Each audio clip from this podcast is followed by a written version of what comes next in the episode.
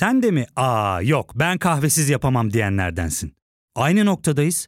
İlk ve tek kahve üyelik uygulaması Frink'le tanış. Hem bütçeni koru hem de hiç bitmeyen kahvenin tadını çıkar. Yakınlarından terapinin onlara ne kadar iyi geldiğini dinlesen de kendin için bir şeylere başlamak zor geliyor olabilir. Ya da sevdiklerine yardım etmeye istekliyken kendi ihtiyaçlarını görebilmek. Hayvel, uzman psikologlarıyla kendi ihtiyaçlarını bulmanda sana destek olacak. Terapi yolculuğuna başlamak için detaylı bilgi bölümün açıklamalarında. Hiç uzun zamandır sizi rahatsız eden bir konu hakkında birileriyle konuşmayı denediniz mi? Bu uzun zamandır kırgın olduğunuz biriyle kırgınlığınız hakkında konuşmak olabilir. Bir süredir içinize tuttuğunuz duyguları bir başkasına aktarmak olabilir. Ya da belki geçmişte kırdığınız birine bugün özür dilerim ben o gün yanlış yapmıştım demek olabilir. Aslında bugünkü konu zor olan konuşmaları yapabilmek ve içimizi dökebilmek. Peki ben bu konuya nasıl geldim? Her hafta podcast konusuna karar verirken ya sosyal medyadan bana gelen önerilere bakıyorum ya birileriyle olan konuşmalarda aklımda uyanan sorulara bakıyorum. Bu seferki de internette Psychology Today'de karşıma çıkan bir yazı oldu. Yazıda ölümcül kanser hastası insanlarla e, yapılan bir grup terapisi esnasında kişilerin sevdikleri insanlarla kalan son vakitlerinde yaptıkları konuşmalara değiniyordu. Ve bu konuşmalar aslında bir yandan çok zor konuşmalar ama bir yandan da insanların duygularını en açması gereken ve en oldukları halde orada olması gereken konuşmalar. Bu konuşmaları hayal etmek oldukça zor. Umarım şu anda bu podcast'i dinleyen kimse böyle bir durumun içerisinde değildir. Ama sonuçta bu durumu hayal etmek zor ama bir yandan da o kadar kolay. Düşününce hayatta ne kadar ömrümüz olduğunu hiç bilmiyoruz. Aslında yarın hiçbirimiz hayatta olmayabiliriz bile. O yüzden de zor konuşmaları yapmayı öğrenmek, otantik halimize yani olduğumuz halimize diğer insanlarla ilişki kurabilmek çok büyük bir önem taşıyor. Çünkü aksi takdirde hep olduğumuz kimliği gizleyerek aslında var olduğumuz halimizden farklı davranarak ilişkiler kuruyoruz. Ve bu bizi günün sonunda mutsuz bir insan olmaya itiyor. O yüzden hazırsanız hadi gelin bugün içimi dökmeyi ben nereden bileyim diyelim ve onun üzerine konuşalım.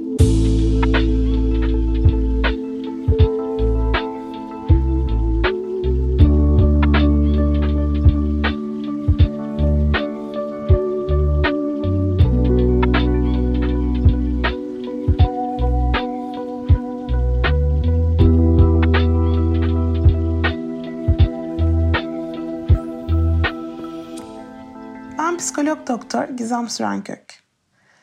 Ben nereden bileyim'in bu yeni bölümünde içimi dökmeyi ben nereden bileyim diyoruz. Ve önce hadi içini dökmeyi tanımlayalım.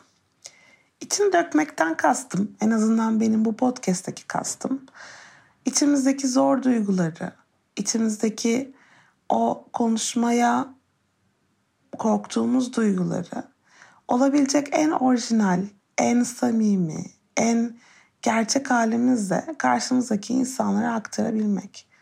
Tabii ki podcast'in girişinde söylediğim gibi benim ilham aldığım yazı gerçekten bir süre sonra, görecek kısa bir süre sonra öleceğini öğrenmiş insanların yaptığı diyaloglardan kaynaklanıyor.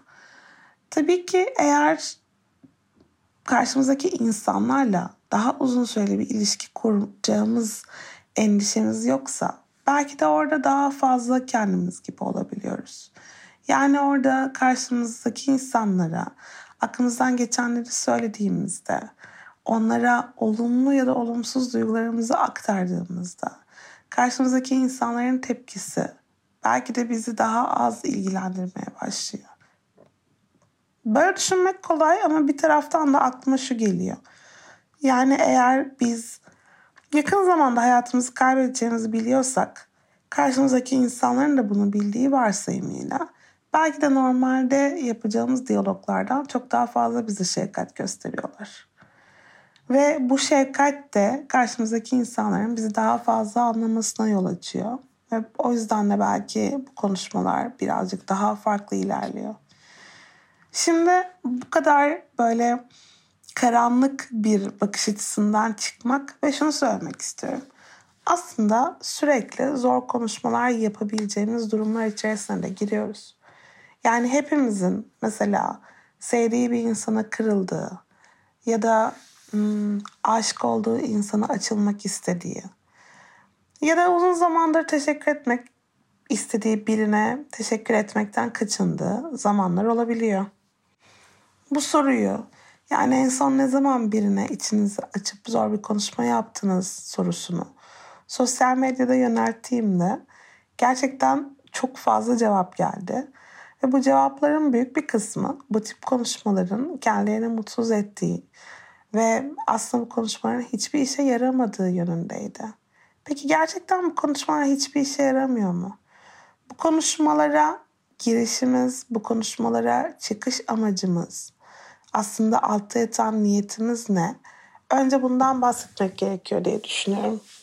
Yani eğer biz karşımızdaki insanla ilişkimizi belli bir noktaya getirmek istiyorsak bu nokta orijinal halinden daha iyi veya daha kötü olabilir. O zaman bu konuşmanın amacı biraz da burayla ilişkili öyle değil mi? İkinci bir amaç da içimizdeki duyguları dile getirmek. Ve bence içimizdeki duyguları dile getirmek kadar aslında olduğumuz halimizi o insanın karşısına koyabilmek. Otantik kendimiz dediğimiz halimiz. Şimdi baktığımda sosyal medyadan gelen cevaplara birçok insan bu tip konuşmaların sonunda kendilerinin mesela özür dilemek zorunda bırakıldığını ya da hiçbir karşılık alamadıkları için büyük bir hayal kırıklığına uğradıklarını dile getiriyorlar. Ve bu bana şunu düşündürtüyor aslında. Eğer biz içimizi döktüğümüz bir konuşmanın sonunda karşımızdaki insandan hiçbir karşılık alamıyorsak aslında bu o ilişki için, o ilişki adına bize çok fazla şey anlatmıyor mu zaten? Çünkü adı üzerinde ilişki ve özellikle yakın ilişkilerin çok temel bir ilkesi var. Karşılıklılık. Karşılıklılık ilkesi şu demek. Bir ilişkide alma verme dengesi aşağı yukarı eşit olmalı. Bu alma verme dengesinden bahsettiğim zaman bazen insanlar bunu çok daha farklı algılayabiliyorlar. Ama burada kastettiğim hem duygularını alıp verme hali, hem fedakarlığı alıp verme hali, hem içini açmayı alıp verme hali, hem de tabii ki birbirini incitmeyi alıp verme hali. Yani eğer ben bu ilişkide sürekli inciniyorsam veya karşımdaki insan sürekli fedakarlık yapmak zorunda kalıyorsa veya benim duygularım çok açıkken karşımdaki insanın duyguları hep kapalıysa o zaman aslında ben bu ilişkide hiç kendim gibi olamıyorum ya da kendim gibi hissedemiyorum. Dahası da ilişki zaten karşılık ilkesine aykırı bir şekilde ilerlediği için yakınlık kavramı bir süre sonra aslında alaşağı olmaya başlıyor. Yani aslında bu ilişki bizim zannettiğimiz kadar yakın bir ilişki değil. Başka bir deyişle ben bu ilişkide bu zor konuşmayı yaparak ya bu ilişkinin daha yakın olmasını sağlayacağım ki böylece bu ilişki amacına hizmet etmeye başlayacak. Ya da ben bu konuşmayı yaparak bu ilişkinin yakın olmadığını karşımdaki insana da belirtmiş olacağım bir şekilde. Belki açık açık böyle söyleyerek değil. Ve karşımdaki insan benim konuşmalarıma, benim hayal ettiğim, umduğum tepkiyi vermeyerek aslında bana başımdan başından beri bildiğim o gerçeği kanıtlamış olacak. Biz hiçbir zaman gerçekten benim zannettiğim, umduğum, hayal ettiğim kadar yakın değildik.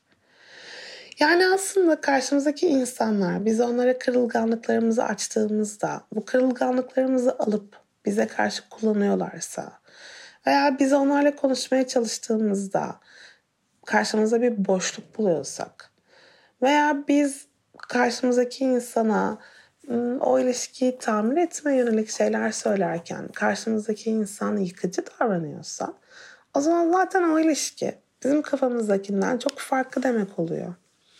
Bu da beni bir sonraki soruma getiriyor aslında.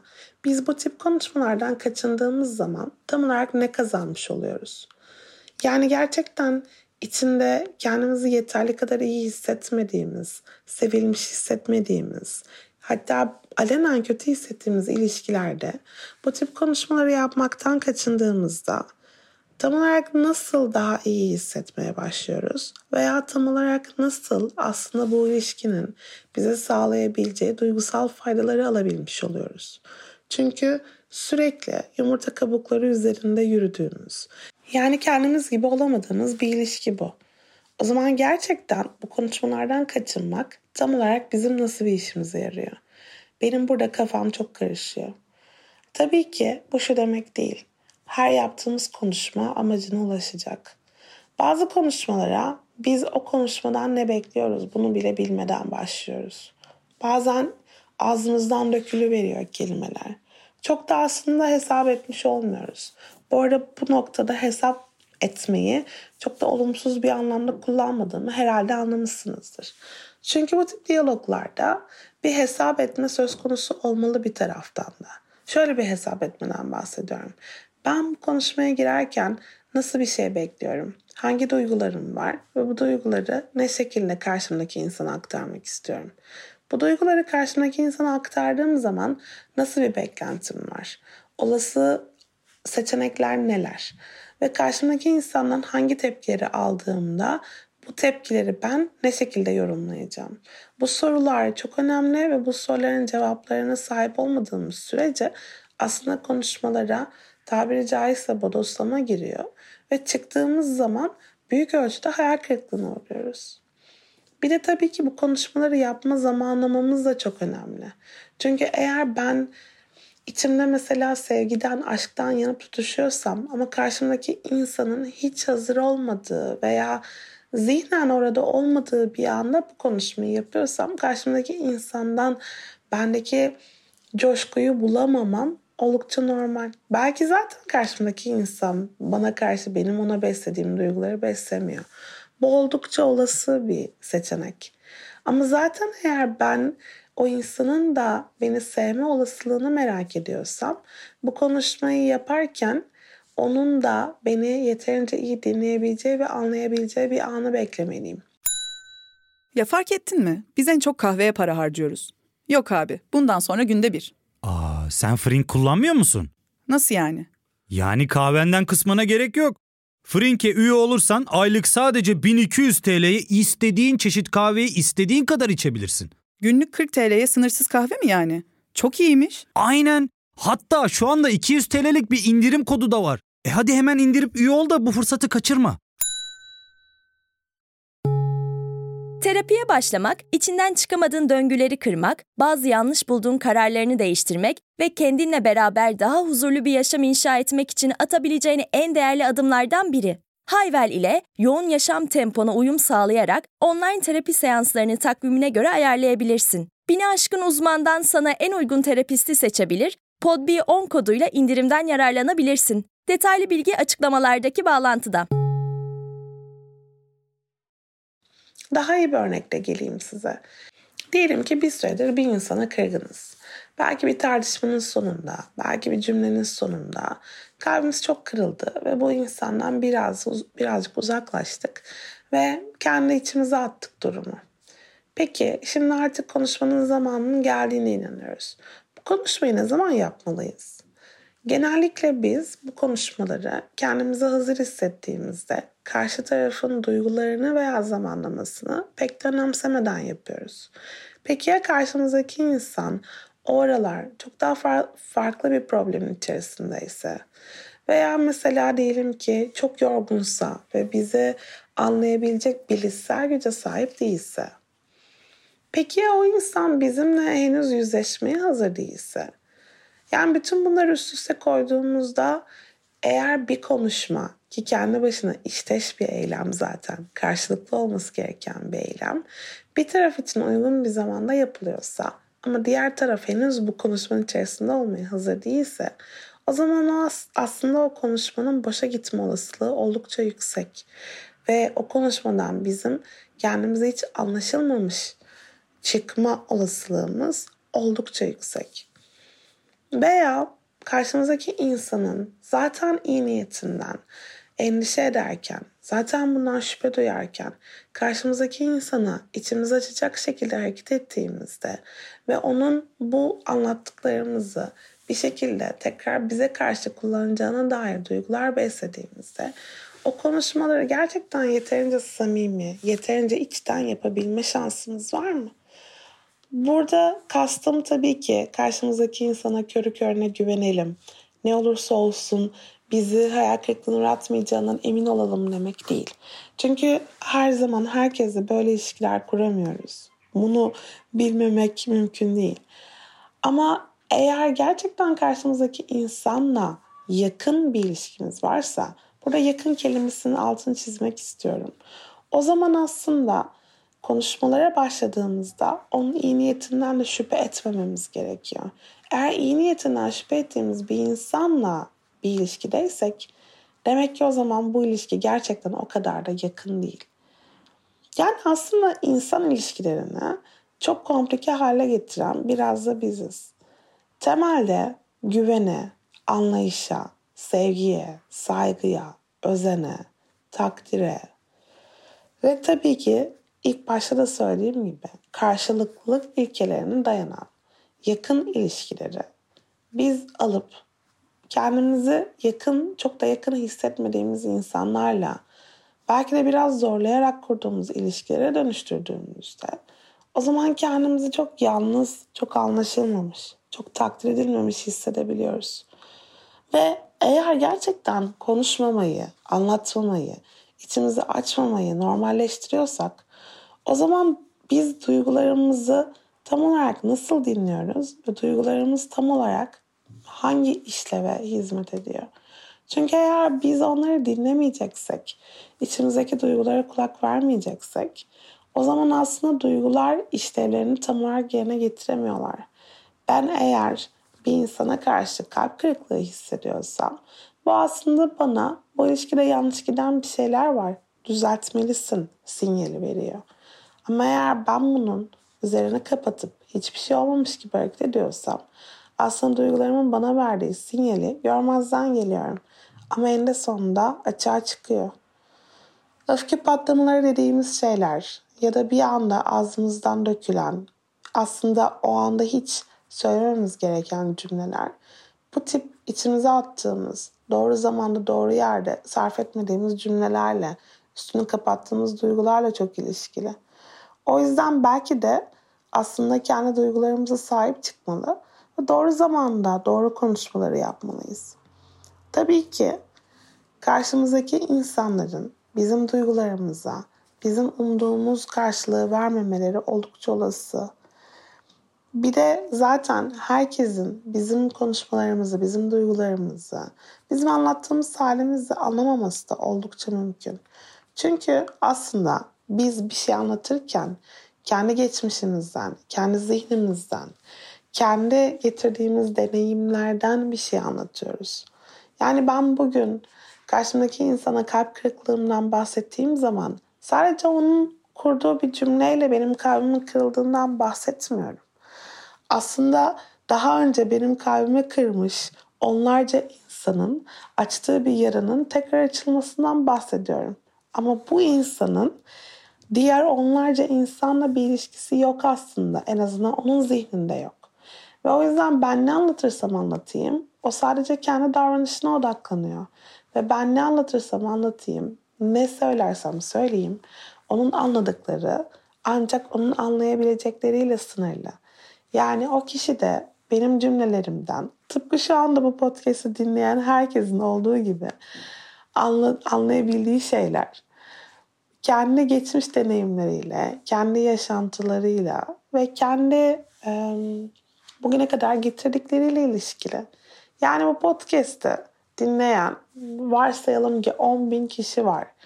Bu 10 bin kişinin her biri bu podcast'ı dinlerken başka bir insan hakkında düşünüyor. Bu ne kadar bir yandan göz kamaştırıcı bir gerçek. Düşününce yani her birimizin farklı bir ilişkisi için bu podcast'te hissedebilmesi. Ama diğer taraftan da şunu da söylüyor. Her bir kişi bugüne kadar getirdiği çok çok çok farklı duygular içerisinde benim cümlelerimi anlıyor. Ve ben bu cümleleri kurarken belki de hiçbirinizin anladığı şeyleri anlatmıyorum. Tabii ki böyle düşündüğümüz zaman konuşmak biraz manasız hale gelebilir. Ve yüzde yüz böyle değil çünkü benim anlattığım şeylerin her biriniz tarafından anlaşılırlığı bir yere kadar ama o yere kadar olması zaten benim konuşmamı anlamlı kılıyor. Yani benim söylediklerimi her birinizin kendi deneyiminize göre algılıyor olması zaten konuşmayı muhteşem kılan bir şey.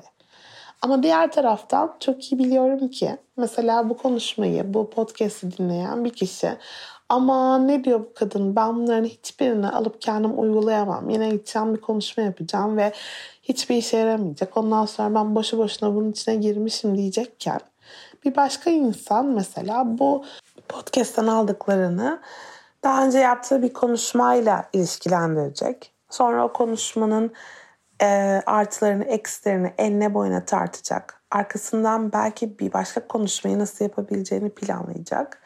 Ve aslında böyle ilerliyor her şey. Başka bir deyişle bu konuşmaları yapmamız, yaptığımız zaman bizim karşı tarafa verdiğimiz mesajlar o insanın anladığı kadar.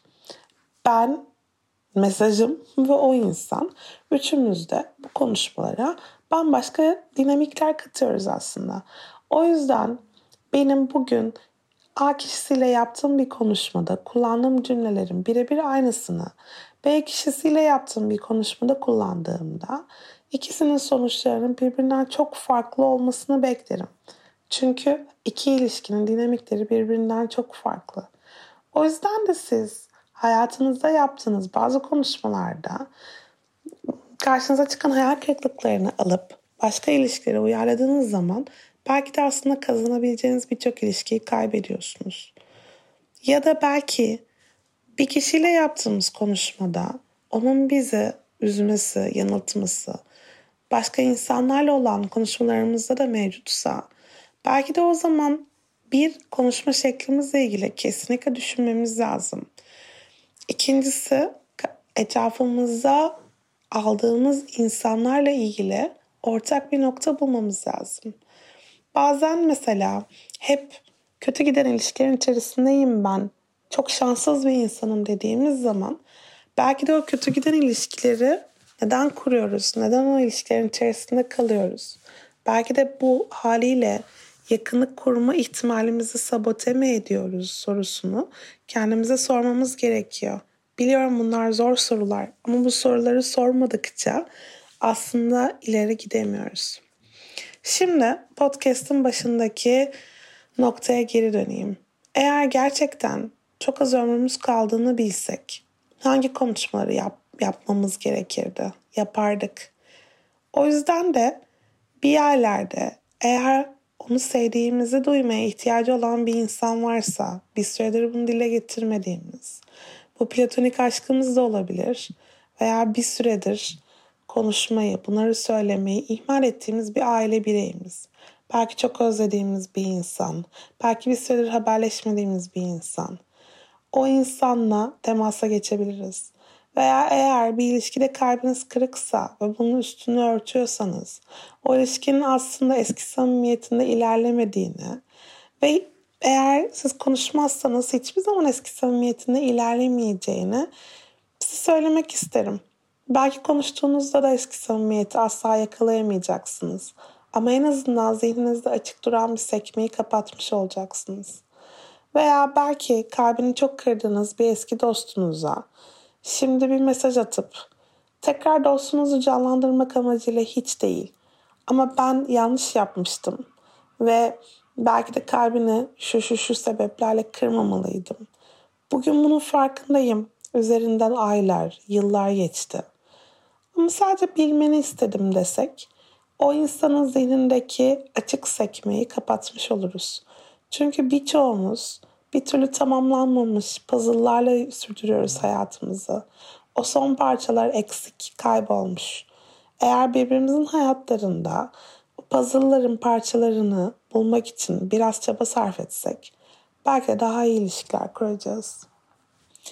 Umarım bu podcast bir şekilde size dokunmuştur ve bir şekilde hmm, daha samimi, daha orijinal halinizle ilişkilerde var olabilmenize destek olacaktır uzun vadede. Eğer dinlediyseniz ve hakkınızda bazı duygular uyandıysa bunları benimle paylaşabilirsiniz. Sosyal medyada bana yazdığınız bütün mesajları takip ediyorum ve gerçekten sizlerden bir dönüş almak beni çok ama çok mutlu ediyor. Bu podcast'i sonlandırırken hepinize sevgilerimi gönderiyorum. Çok güzel bir hafta geçirmenizi diliyorum. Ve varsa konu önerilerinizi de her zaman bekliyorum. Hepinize sevgiler.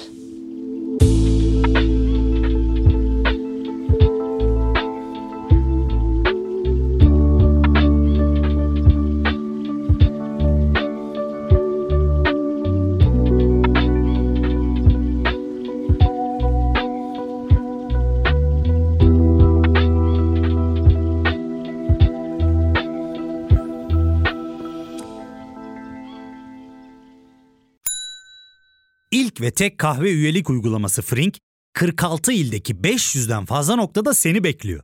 Açıklamadaki kodu girerek sana özel 200 TL'lik indirimden faydalanmayı unutma.